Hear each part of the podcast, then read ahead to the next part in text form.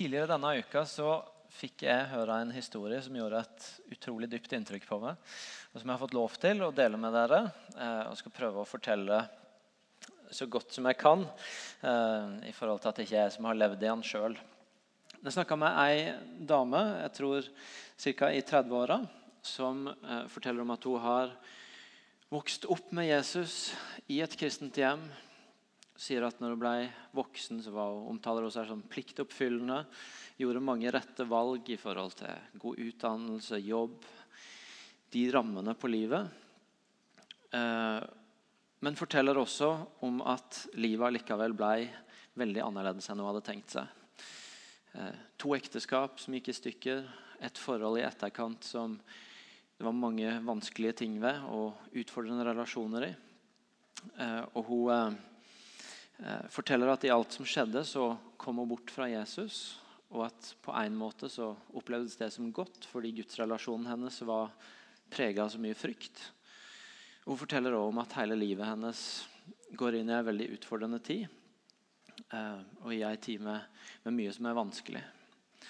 Eh, hun forteller at hun gikk rundt med et skrik etter å bli elska. Hvorfor kan ingen bare elske meg?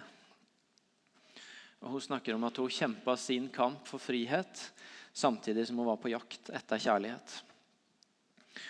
Og så For en seks-sju uker siden så er denne krisa hun lever igjennom, i stor grad over. og Mye i livet er begynt å bli ganske bra. Når hun dumper borti igjen ei venninne som hun har kjent store deler av livet Kontakten har kanskje vært litt av og på. og Nå dumper de borti hverandre igjen. og en fredag kveld så ender hun opp Hun skal ut på byen på fest. og Så ender hun opp hjemme hos denne venninna. Det er noen andre jenter der, og de blir sittende og prate og, eh, og ha det hyggelig sammen. Og På ett punkt så sier ei av jentene som er i rommet, til henne Hvis du bare ante hvor mye Gud lengta etter deg han, Hans godhet og miskunn etterjager deg. Hvis du bare ante hvor mye Gud lengter etter deg. Hans godhet og miskunn etterjager det. Og Hun blir litt satt ut og eh, ber om at denne personen stopper å snakke sånn. Men eh, vedkommende gir seg ikke helt og gjentar de samme ordene en gang til. Hvis du bare ante hvor mye Gud lengter etter det. Hans godhet og miskunn etterjager det. Og Hun forteller at andre gangen så er det en eller annen sånn kraft som kommer over henne. Som vi i ettertid kan vite at det er Den hellige ånd eh, som, som, bare tar henne litt. Eh, og sier at det blir mye tårer eh, i løpet av den neste tida, og prating, og også litt sinne. Eh, fordi hun har den historien hun har med Gud. Hun sier noe om at eh, jeg vil ikke tilbake til skyld og skam. Jeg har opplevd nok fordømmelse. Hvis det er noen som skal bære skammen, så må det være Jesus. Og de jentene som er rundt, og de er helt enige med henne i det. Og de begynner å snakke med henne om Guds ubetinga kjærlighet. Og kvelden har tatt en annen retning enn tenkt. Før de går videre den kvelden, så hører de en sang, og hun poster en setning på Facebook som sier Take the shackles of my feet so I can dance. Ta lenkene av beina mine så jeg kan danse. Går ut på byen og sier at det ble en rar kveld med mye kontraster mellom det hun nettopp har møtt, og det hun ser der hun nå er. Hun blir liggende våken hele natta. Uh, Utpå morgenkvisten så begynner hun å tenke på kvinnen ved brønnen som Jesus møter i Johannes 4, og tenker at det er jo meg. Og så tas hun inn over de neste dagene i en ganske intens prosess, som jeg ikke skal gjenfortelle alt av, men hvor hun opplever ting som at hun, hun syns hun hører Gud si til henne ting som at 'Du er min datter'. Du er min og bare min. Eller at Gud sier 'det er fullbrakt'. Hun opplever ting som at søstera hennes ringer og forteller at hun har bedt for henne, at Den hellige ånd kom over henne, så hun begynte å grine. Og at hun ble minnet om orda 'Herren er min hyrde' til henne. Og denne dama skjønner ikke nødvendigvis alt av hvordan hun skal ta det, og alt hva det kan bety. Men hun tar det til seg og Hun leser Salme 23, hvor disse ordene står. Og Hun sier at hun merker at det er en eller annen fred eller ro kommer inn i henne. Det er også kamp i disse dagene, og mye i henne som, eh, som har motstand mot å skulle gå tilbake til Jesus igjen. Og den, den historien og noen av de dårlige minnene hun har der også. Men så, tirsdag kveld, bare noen dager altså etter denne fredagskvelden, så møter hun et par av de jentene som var til stede den fredagen. Eh, og Hun sier selv at hun merka med en gang at det var et veldig sterkt gudsnærvær. Det er det ordet hun bruker, gudsnærvær. At Gud var nær der, at han var til stede der. Og sånn som jeg har forstått det, så ender hun opp med å i Sandnes sentrum på en benk gi livet sitt til Jesus igjen den kvelden. Eh, og Igjen så går hun hjem og leser Salme 23. Og Hun oppdager på slutten av salma at de orda som det begynte med, hans godhet og miskunn etterjager deg, de orda finner du i slutten av den salma.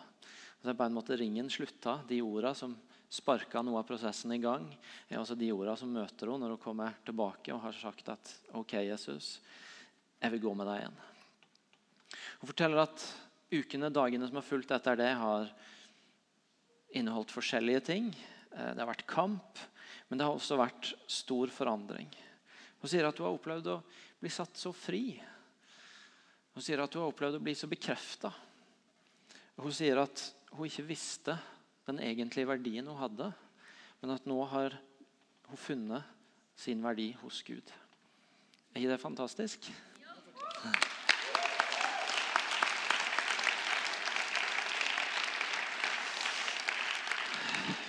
Det aner meg at vi noen ganger tror og tenker at Gud er lenger unna virkeligheten vår og hverdagen vår enn det han egentlig er. Hva om det er sånn at vi kan møte han midt i hverdagen vår? Hva om det er sånn at han er til stede, og at vi kan ikke bare møte han og få et glimt av han, men være med på det han gjør? Lytte oss inn på det han sier og den han er. Midt i de situasjonene vi allikevel allerede lever livet vårt i. Se på den historien vi nettopp hørte. Midt i et vorspiel så dukker Gud opp. Den hellige ånden dukker opp. Og både gir noen ord gjennom et annet menneske om sin kjærlighet, men gir også en sånn opplevelse som ikke helt kan beskrives og rammes inn i en firkant. Som viser at Gud dukka opp midt i den hverdagen, midt i den situasjonen.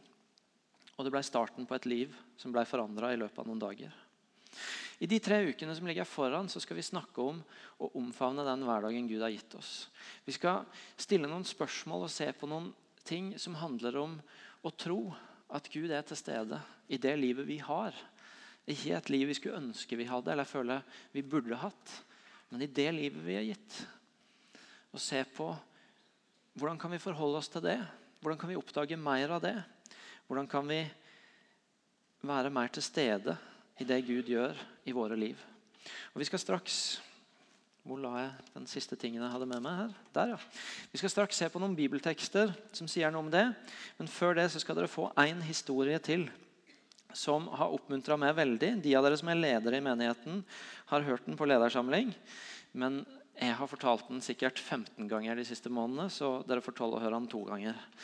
Eh, det er en tekstmelding som jeg fikk eh, ved starten av sommeren, og som bare har oppmuntra meg igjen og igjen. Eh, en god venn av meg som sendte melding fra en, annen, en konferanse han var på et annet sted i landet. og Han skriver han, han har møtt et menneske der som forteller en historie som han har fått lov til å fortelle videre. Han skriver at denne personen forteller. Jeg ble frelst som 20-åring, men drakk allerede da mye. Jeg var inne i kriminelle miljø og det var mye rus. Jeg var borte fra alt et år, men begynte å gli ut igjen. Flytta til Oslo med kjæresten min. Vi var samboere, men kjente at det var feil, og flytta ut. Da eskalerte det igjen, og det var mye rus og kriminalitet. Så endte jeg opp i Stavanger for å bygge et hus for en drugdealer der. Når det var ferdig, så skulle jeg på en båt til Karibien. Jeg var ganske rusa, og så møter jeg ei fra Imi-kirka som var med på bønn på gata.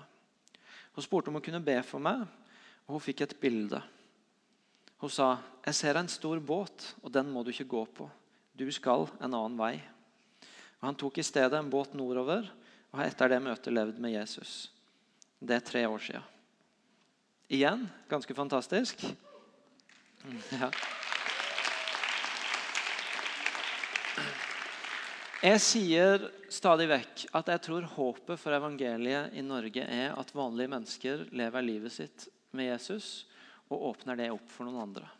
At vanlige mennesker som jeg og du finner ut av hvordan, hvordan lever jeg med Jesus i min hverdag.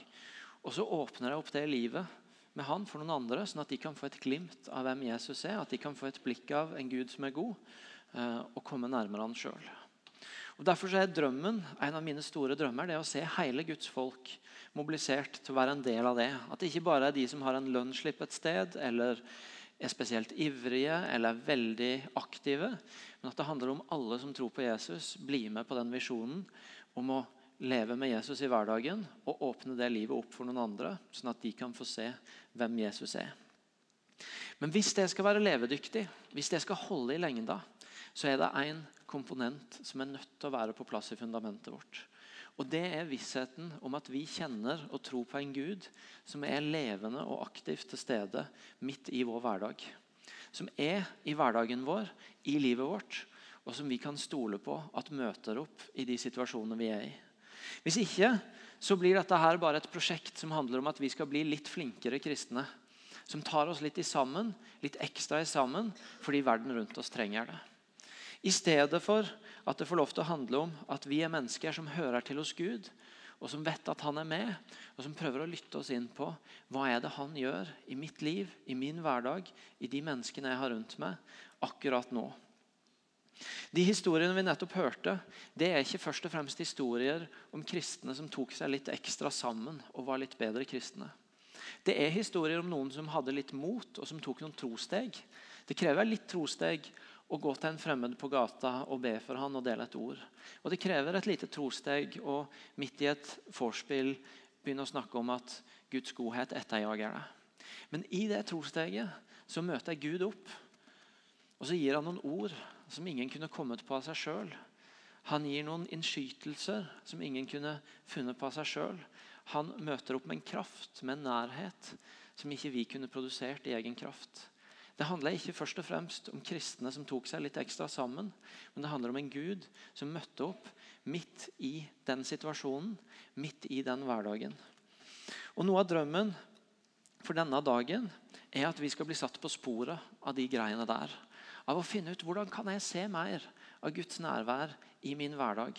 Hvordan kan jeg oftere merke at oi, nå gjør Gud noe rundt meg.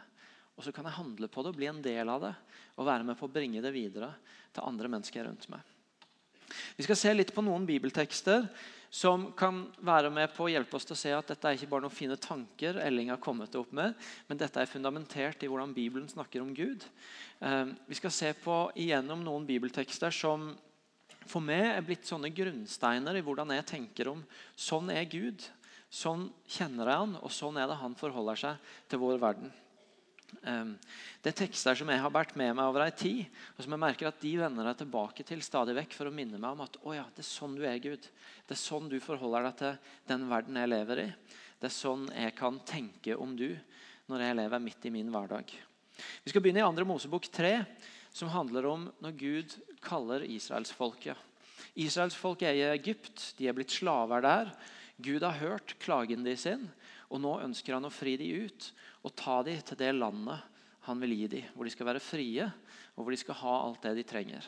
Og I 2. Mosebok 3 så er historien om hvordan Gud kaller Moses til å være den som leder folket ut av Egypt. Og I 2. Mosebok 3 vers 7 så sier Gud til Moses når han holder på å kalle han. Jeg har sett mitt folks nød i Egypt. Jeg har hørt skrikene deres under slavedriverne. Jeg kjenner deres smerte. Jeg har steget ned for å fri de ut av hendene på egypterne og føre de opp fra dette landet og inn i et godt og vidstrakt land. Inn i et land som flyter av melk og honning. For nå har skriket fra israelittene nådd meg, og jeg har sett hvor hardt egypterne undertrykker de.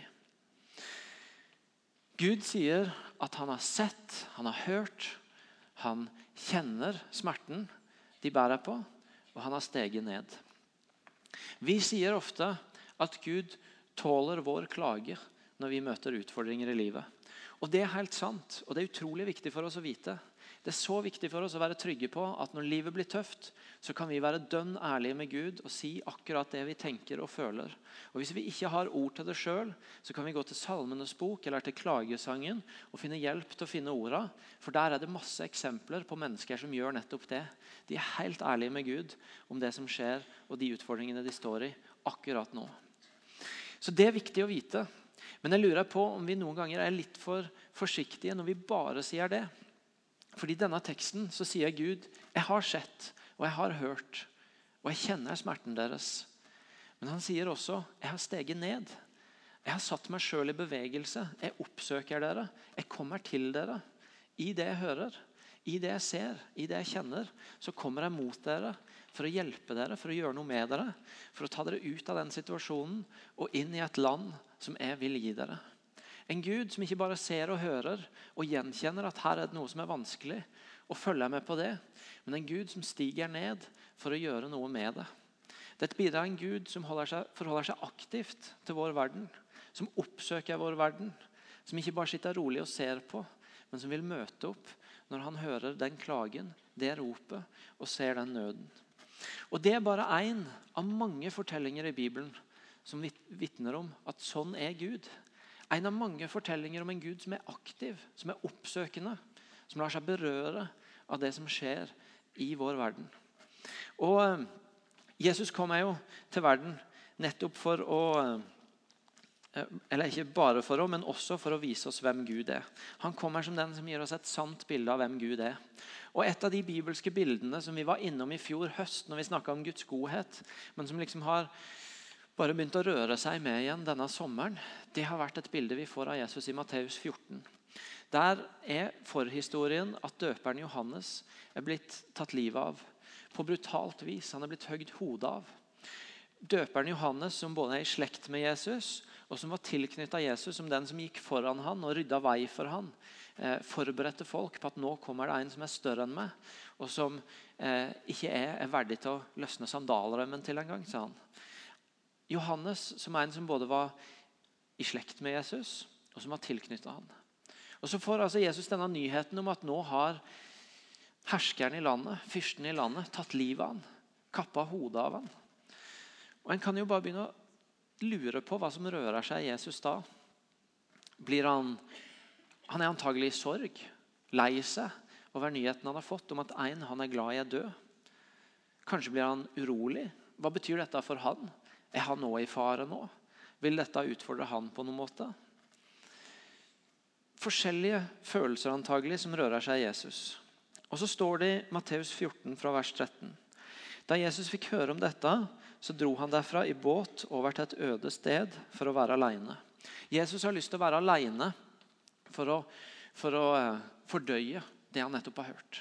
For å fordøye noen av de følelsene som kanskje rører seg inni han for å fordøye en nyhet som både er brutal og trist og utfordrende. Men så står det altså at folk fikk greie på det, og fra byene fulgte de etter han til fots. Da han nå gikk i land, fikk han se en stor folkemengde. Jesus kommer for å være alene, og når han går i land der han har tenkt å være alene, så står det flere tusen mennesker og venter på han. Vi lærer etter hvert at det er 5000 menn, og så er det kvinner og barn i tillegg. Og hva gjør du når du er i sorg, når du er urolig, og du har tenkt å komme deg av gårde for å være litt alene, og så står det noen tusen mennesker der og venter på deg og vil ha et eller annet ut av det. Hvordan reagerer du da? Blir du sint? Tenker jeg Nå må folk gi meg, vise litt respekt og gi meg litt fred. Blir du Bare stikker du? Løper? Tenker jeg rømmer. Jeg må ha tid for meg sjøl. Ber du pent på dine knær? Vær så snill. Jeg trenger jeg bare i hvert fall gi meg i hvert fall en dag. Så, så kan dere komme tilbake, og så kan vi snakke sammen igjen. Det som står om Jesus, er at han fikk inderlig medfølelse med dem og helbreda de syke blant dem. Han fikk inderlig medfølelse med dem og helbreda de syke blant dem. Det syns jeg bare er et så nydelig bilde av han vi tror på. En som sjøl når han sjøl er i sorg og trenger å være aleine, så lar han seg forstyrre. Han lar seg berøre av de menneskene han møter. Og Det står at han helbreda de syke. Han underviste de og ga de sine ord. Han Han står til slutt at han ga mat til alle sammen. Han sørga for mat til hele gjengen. Det er begynnelsen på teksten om brødunderet. Han, han helbreder dem, han underviser dem, han sørger for mat til dem. Det er et nydelig bilde av en Jesus og i neste omgang av en Gud som lar seg berøre av mennesker han møter, som lar seg stoppe opp og forstyrre, sjøl når han egentlig kunne hatt nok med seg sjøl. En Gud som lar seg bevege, igjen, akkurat som i andre Mosebok. En Gud som lar seg bevege av det han møter i denne verden. Av de menneskeskjebnene og de situasjonene han møter i denne verden. I Matteus 25 så forteller Jesus en lignelse hvor han gir et bilde av Gud som en herre som overlater alt han har, til sine tjenere.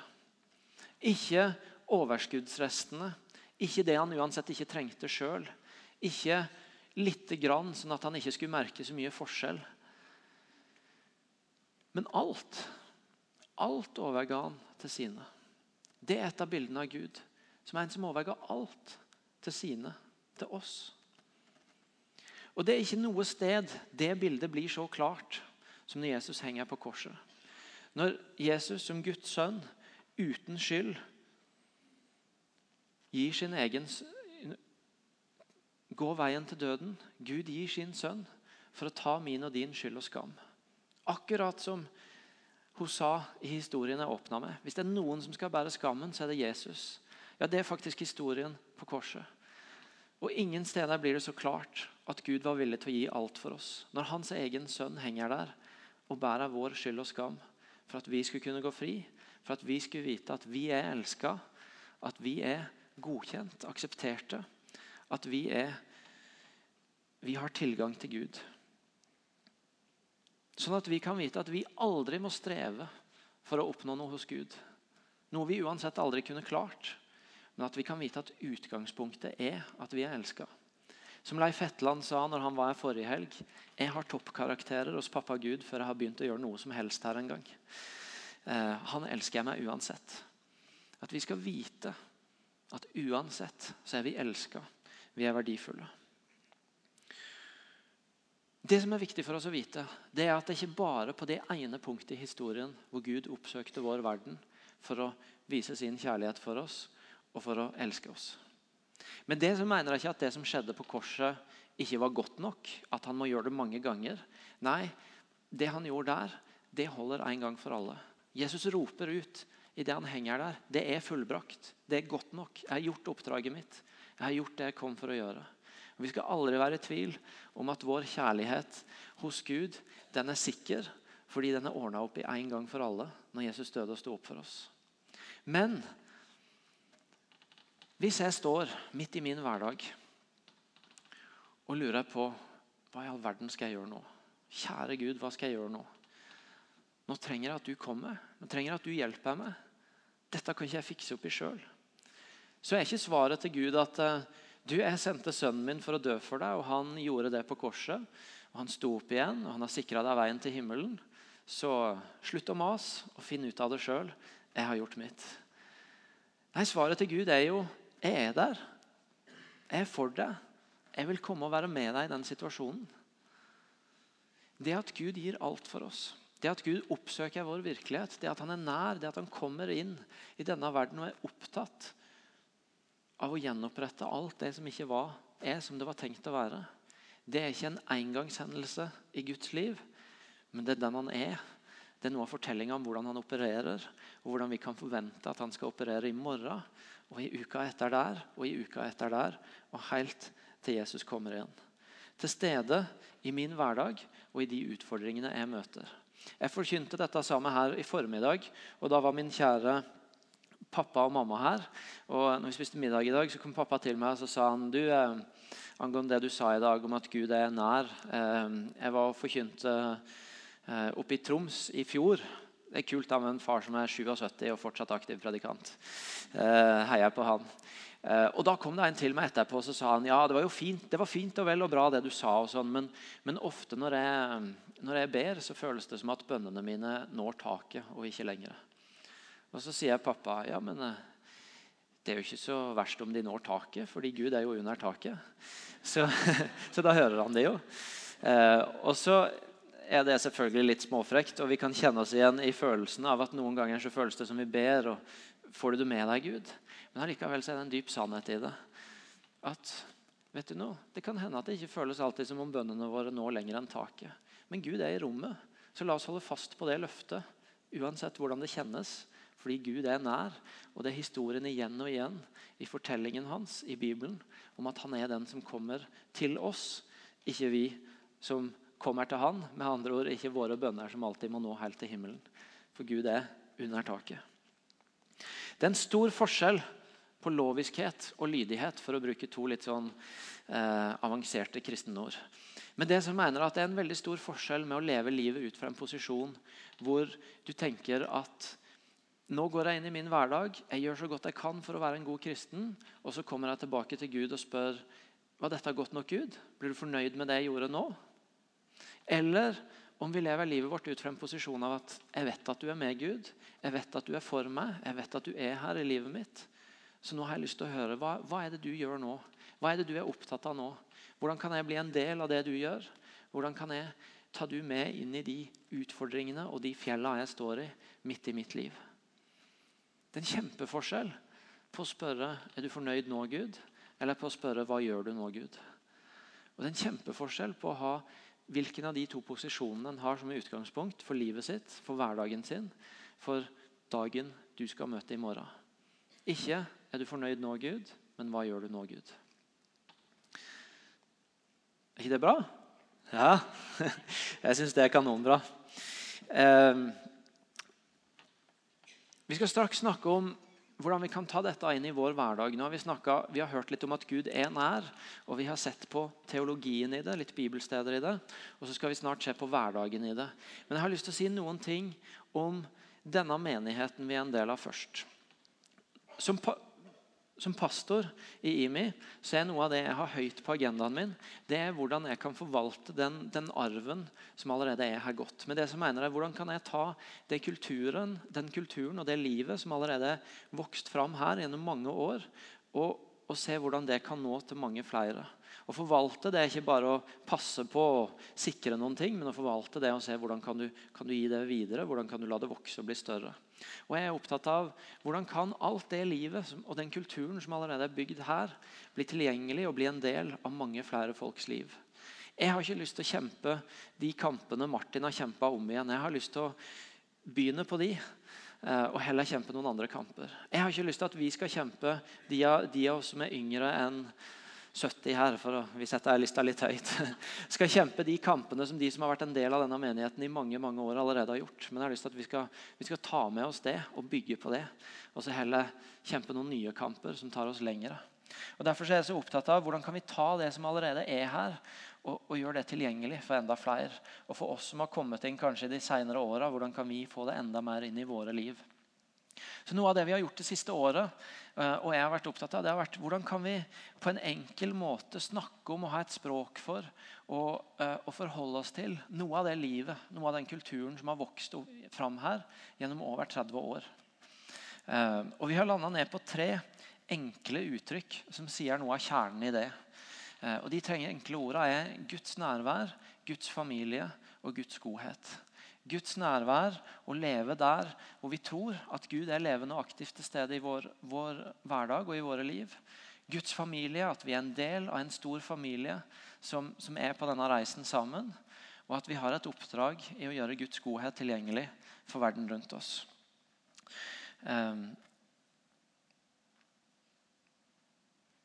og Vi skal se på hver av disse tre ordene i denne serien, Guds nærvær i dag og de to andre tingene i ukene som kommer, og få litt mer forhold til det. Guds nærvær er altså uttrykket for denne her troa på at Gud er aktivt og levende til stede. At han, at han kan tale inn i livet vårt, at han kan lede oss. At han kan eh, møte opp i situasjoner hvor vi ikke hadde funnet ut av det sjøl, og bringe løsninger vi ikke hadde tenkt på. Og Det at det er en del av vår kultur i denne kirka, det kommer uttrykk på så mange forskjellige måter. Det kommer for til uttrykk ved at eh, når, staben i denne menigheten starter et nytt arbeidsår eh, Vi er jo kjent som en menighet som er ganske sånn, det er ganske drive i oss. Vi har retning, vi skal videre. Vi kan være litt utålmodige. Noen som kan til og med finne på å kalle oss for litt pushy av og til, fordi vi vil masse. Eh, og en kunne jo tenke at Når en stab i denne kirka skulle starte et nytt år, så starta vi med å møtes for å legge planer og finpusse strategier og finne ut eh, hvordan vi skal jobbe best mulig neste år. Men det vi gjør, det er å reise av gårde i tre dager uten en eneste plan. egentlig. Men vi tilber Gud sammen, vi leser Guds ord sammen. Og vi opplever alltid at Gud gjør noe midt iblant oss som ingen hadde forventa, men som får bety noe for året som ligger foran. Og Når vi begynner hvert semester i menigheten med en sånn helg som vi hadde forrige helg, en åpen himmelhelg, så er det uttrykk for akkurat det samme. Det er ikke at vi henter inn en taler som vi har tenkt nå må vi ha akkurat det, og så har vi gitt en bestilling. Nå må du snakke om akkurat de tinga. Men det er mer sånn at vi samler sammen lovsangsgjengen vår, og så inviterer vi en, en vi kjenner, som vi vet har et liv med Gud, som vi er nysgjerrige på. Og så sier vi 'kom og del livet ditt'. Kom og del det som ligger deg på hjertet. Og så opplever vi igjen og igjen at Gud gjør noe som ikke vi kunne forberede, men som betyr noe for mennesker, og som betyr noe for retninga på kirka vår. Det betyr i hverdagen at vi som jobber her, hver dag etter lunsj så møtes vi til bønn og synger en lovsang sammen, leser et bibelord sammen og ber for dere og for andre ting. Det betyr at når cellegruppene våre kommer sammen, så går vi ikke bare rett på å snakke om talen på søndag, men vi bruker tid på å dele noen historier om det Gud har gjort. Vi bruker tid på å tilbe litt sammen, på å takke Gud sammen, på å rette blikket på Han. Fordi vi verdsetter at Gud er nær. Det betyr at når vi ber for hverandre, så ber vi ikke bare en bønn og sier amen og går videre, men vi prøver oftest mulig å stoppe opp og lytte til Gud og spørre Gud, vil du si noe til dette mennesket. Og Veldig ofte så kommer det et ord som betyr noe, og som setter deg i retning. Og Jeg kunne fortsatt å fortalt dere eksempler, men dere skjønner poenget. Dette er livet vårt. Dette er den kulturen som er etablert, og som er en del av det denne menigheten er. Og Vi har en lang historie på det. Helt tilbake fra når Martin i 1980 dro sammen med en gjeng til, til en menighet i York i England og møtte et sånt karismatisk trosliv. Eh, og så det og tenkte ja, men dette går jo an å gjøre i Stavanger også. Og Så tok de det med seg hjem og så begynte de å forme det. Og så har de siste drøye 30 åra vært en historie om hvordan vi har lært nye ting. Om å forholde oss til en Gud som er nær, som taler, som leder. Som når vi ikke har peiling på hva vi skal gjøre, så har han peiling. Og når vi ikke vet hva neste steg er, så vet han det. Og Derfor er et av de ordene jeg ofte hører Martin si, som sitter her, eller har hørt han si når han forteller om historien, det er uttrykket 'Kjære Gud, hva gjør jeg nå?' Eller på hans dialekt 'Hva gjør jeg nå?'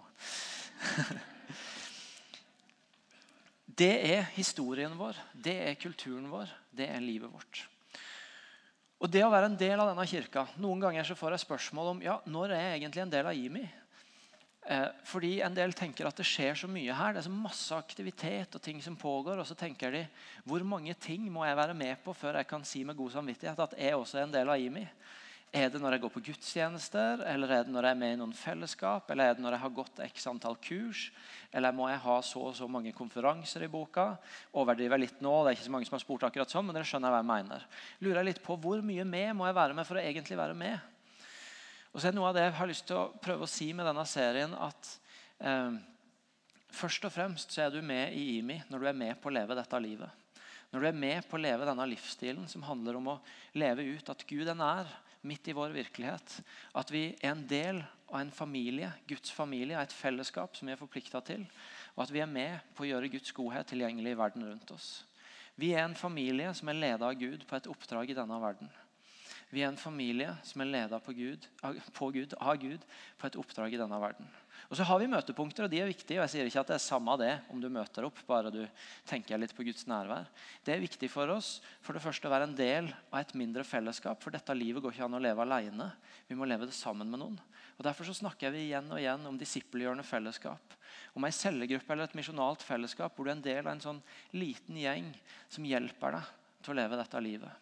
Og Derfor så kommer vi sammen hver søndag for å feire Gud sammen. Sånn at vi får være en del av en stor familie. At vi ikke bare er noen få som lever dette livet, men vi er mange. Og det ligger en enorm kraft i det. Og når det lille fellesskapet ikke alltid kan bære tyngden av det livet våre møter, så er det et stort fellesskap som kan bære veldig mye mer. Og Derfor er møtepunkter både i det lille og det store viktige. Men utgangspunktet er også at vi er bundet sammen, ikke av læresetninger, ikke av hvor mange kryss vi har i boka for oppmøte, men av at vi prøver å leve et liv sammen. En familie som er ledet av Gud på et oppdrag i denne verden. Skjønte dere det? Ja. Når vi jobba med dette, så eh, tenkte jeg jeg må jo teste dette ut på mitt liv. Jeg må bare si, jeg taler litt lenge i dag. Jeg håper dere kan bære over med meg. Jeg har forberedt denne serien i seks måneder, og det har bare bygd seg opp litt mye. Så, så, men det er snart, snart, over i siste del. Og jeg, jeg, ofte prøver jeg å ikke vare så lenge, så i dag får dere tåle meg. Eh, takker jeg for at dere hører på meg. Når vi jobba med denne serien så, eh, og med, dette, med, denne kulturen, så tenkte jeg jeg må teste dette ut i livet mitt. Er Guds nærvær, Guds godhet, Guds familie det er en del av min hverdag? Eh, og Noe av det jeg oppdaga, det var at hver dag så har jeg mulighet til å leve i de tre dimensjonene. Hver dag så er det muligheter for meg til å connecte med Gud og til å forholde meg til at han er her. jo, og han er nær. Hver dag er det muligheter for meg til å stoppe opp for noen av de som jeg får lov til å leve livet sammen med i denne kirka, i dette fellesskapet. Hver dag så er det muligheter for meg til å velsigne noen rundt meg. På bussen, eller på, på jobb, eller på, i nabolag, eller på vei hit eller dit. Det store spørsmålet er er jeg til stede i de mulighetene. Ser jeg de, stopper jeg opp for de, er jeg til stede i de. Og Dere så videoen av Ivar før jeg begynte. eh, og fikk en følelse av forskjellen mellom noen av de dagene vi har hvor vi bare raser igjennom og ikke helt får det med oss. Og de dagene hvor vi kanskje litt karikert og overdreven til og med ser Gud i en blomst, men, men allikevel har øya våre og oppmerksomheten våre åpne for at oi, der er det noe jeg kan stoppe opp for. Der kan jeg se Gud. Der kan jeg se et menneske. Der er det en mulighet til å velsigne. Og Da er vi tilbake til hverdagen igjen. Vi har sett på at Gud er nær, vi har sett på teologien i det, og vi har snakka litt om at det er kulturen vår som kirke. Og så er målet alle disse tre søndagene at vi skal lande i at dette handler om hvordan vi kan få det inn i min og din hverdag.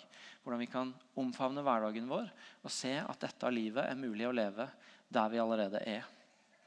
Jeg elsker historien om bror Lawrence, som levde på 1600-tallet, og som som tenåring satt en vinterdag og kikka på to trær. Og så tenkte han på de to trærne at når det blir vår og sommer, så kommer de to trærne til å blomstre igjen. Og så begynte han å tro på Gud av å se på de to trærne. Og Det ble starten på et liv med Gud som det lyder et ekko av den dag i dag. Et liv med Gud hvor han spesialiserte seg nettopp på å være oppmerksom på Gud og på at Gud var nær i alle livets situasjoner. Han ble munk og gikk i kloster. og Han skriver i boka si om hvordan han var opptatt av at han kunne merke at Gud var nær når han sto og tok oppvasken og gjorde alle de praktiske jobbene. Eh, og Det er blitt ei bok av det som forteller om livet hans og om hvordan han forvalta dette, som heter 'Practicing the Presence of God'. Det er En nydelig liten bok som jeg gjerne anbefaler. Den er så vidt jeg vet dessverre ikke på norsk, men for du som leser engelsk, så er den tilgjengelig. Som velsigner mange mennesker den dag i dag. Han satt og kikka på to trær, og så oppdaga han Gud. Og Så ble det starten på noe som det lyder et ekko av den dag i dag. Noen ganger så tenker vi at Gud er alle andre steder. Eller at vi må et annet sted, eller vi må forandre på så mye for at Gud skal komme nær. Og så går det an å se han i de små og store tinga som han har satt rett foran oss. Som er tilgjengelig her og nå. Som vi kan få lov til å stoppe opp for. Hvordan gjør vi det? Hvordan posisjonerer vi livet vårt og hverdagen vår sånn at vi, vi hører det? Når Gud dytter litt i oss på at vet du noe, der er det foran deg et menneske som trenger å høre at han lengter etter det. At han elsker det. Hvordan hører vi det? Når, at vi er posisjonert sånn at vi hører det når vi møter en fyr som trenger å ikke gå på den båten, men heller på en annen båt. Hvordan posisjonerer vi oss sånn at når vi merker at nå begynner å streve, nå begynner jeg å kjempe med å leve godt nok, prestere, jobbe for Gud istedenfor å være med på det Gud gjør? Hvordan posisjonerer vi oss sånn at ok, da kan vi bli tatt tilbake igjen med en gang i at dette handler om du, Gud, og om at du er nær? Salme 92 er en salme som setter oss på sporene og tror jeg. Jeg skal lese den for dere i sin helhet, og så skal vi bare stoppe opp for et par ting nå mot slutten. Han skriver det er godt å takke Herren og lovsynge ditt navn, du høyeste. Og forkynne din godhet om morgenen, din trofasthet om nettene, til den tistrengede harpen, til dempet klang fra lyren. Herre, du har gleda meg med ditt verk. Jeg jubler over det dine hender har gjort. Hvor store dine gjerninger er, hvor dype dine tanker, Herre. Den uforstandige forstår ikke dette, dåren skjønner det ikke. De urettferdige skyter opp som gress, alle som gjør urett, blomstrer, bare for å bli utryddet for alltid. Men du, Herre, er opphøyd til evig tid. Dine fiender, Herre, dine fiender skal gå til grunne. Alle som gjør urett, skal bli spredt. Du gir meg kraft som en villokse og salver meg med den friskeste olje. Jeg kan følge fienden med øynene, jeg kan høre om voldsmenn som reiste seg mot meg. De rettferdige skyter opp som palmer, de vokser seg høye som sedrer på Libanon. De er planta i Herrenes hus og blomstrer i forgårdene hos vår Gud. Ennå i alderdommen bærer de frukt. De er friske og frodige. Slik forkynner de at Herren er rettskaffen. Han er min klippe. Det er ingen urett hos ham.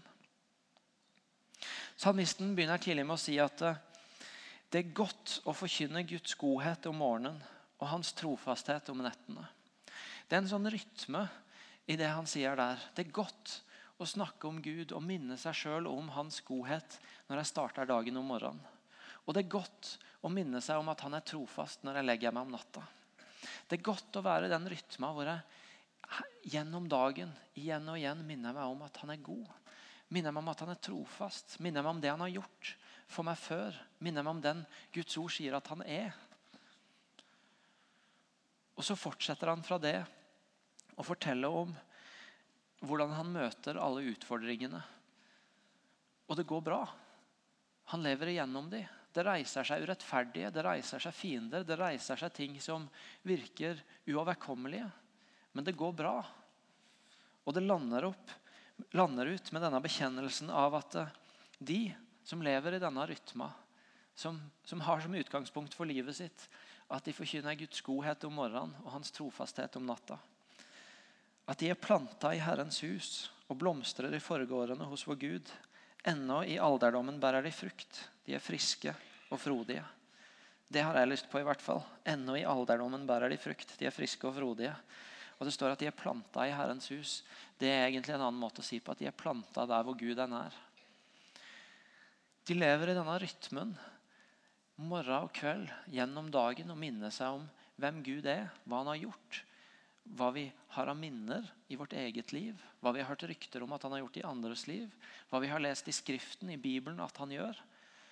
Og så blir det styrken i møte med utfordringene. Og så blir det det som fører til bekjennelsen av at hele mitt liv er planta i nærheten av Gud. Og sjøl når jeg blir gammel, så skal livet mitt bære frukt fordi jeg får leve i nærheten av Han. Å leve et liv med Gud i hverdagen det tror jeg handler veldig mye om å finne fram til den rytmen. Hvor du gjennom dagen finner ut hvordan kan jeg minne meg på at Gud er nær morgenen og kvelden. I de situasjonene jeg står i akkurat nå, i de utfordringene jeg møter om en liten stund. Hvordan kan jeg minne meg om at her er du, Gud? Nå, nå trenger jeg å høre hva du gjør. Nå trenger jeg å koble meg på din kraft. Nå trenger jeg å støtte meg til at dette klarer ikke jeg sjøl, men dette klarer du. Og Jeg har ikke tenkt å gi deg oppskriften i dag. Jeg har ikke tenkt å si at du må bare gjøre sånn og sånn, og så ordner det seg. Men jeg har tenkt å be deg om å reflektere over i dagene og uka som kommer, hvordan ser ei sånn rytme ut i ditt liv? Og Hvordan ser en sånn vane ut i ditt liv som gjør at du hele veien er kobla på at Gud er nær? At han er større enn fjella i livet ditt? At han gjør ting som ikke du kunne gjøre deg sjøl, men som du kan lytte deg inn på og være med på? Sånn at Guds nærvær er en del av din hverdag. For noen av oss kan det handle om å skjære bort noen ting. Om å legge til side mobilen og Mac-en og iPaden og alle de greiene der en stund. Eller å legge til side TV-en noen av kveldene, eller å legge til side noen av aktivitetene. Eller kanskje til og med slutte på noe av alt det vi løper imellom som i seg sjøl er godt, men som blir for mye. For noen kan det handle om å finne den måten som gjør at du hver dag får Guds ord inn i livet ditt. Enten det var ei tekstmelding på mobilen eller ei stille stund du sovner til, som Ivar på videoen. For noen kan det være å lese ei salme hver dag som, som igjen og igjen forkynner Guds storhet. For noen kan det være å begynne å øve seg i at Gud, jeg har lyst til å høre stemmen din i hverdagen min. La meg få, la meg få begynne å høre det. For noen kan det være å øve seg i at å, nå er jeg motløs, nå er jeg trøtt. Men da har jeg ikke tenkt å la det overmanne meg. Da har jeg tenkt å plassere meg tilbake der hvor jeg, hvor jeg vet at Gud er for meg. At jeg har toppkarakterer hos han. Og så begynne på nytt igjen og spørre og se åssen ser det ut da. Og Jeg kunne gitt flere forslag. Men min enkle utfordring er i uka som kommer, å begynne å jobbe med åssen ser den rytma ut. Morgen og kveld. Og vite at Gud er god, han er trofast, han er stor. Men midt i det så er han også veldig, veldig nær. Skal vi reise oss og be sammen?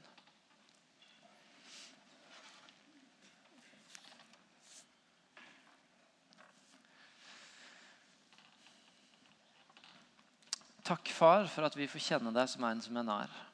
For at vi får kjenne deg som en som ikke er passiv til vår verden og vår virkelighet, men som en som elsker, som møter opp, som oppsøker, som er til stede midt i vår hverdag.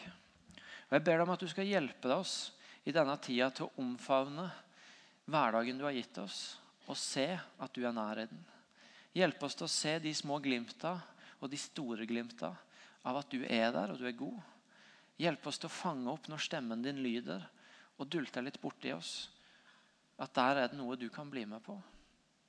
Dra oss tilbake til din nærhet og godhet når vi ikke ha mer krefter igjen sjøl. Plante oss så trygt og godt i den vissheten om at du er god, og du elsker oss, og du er her.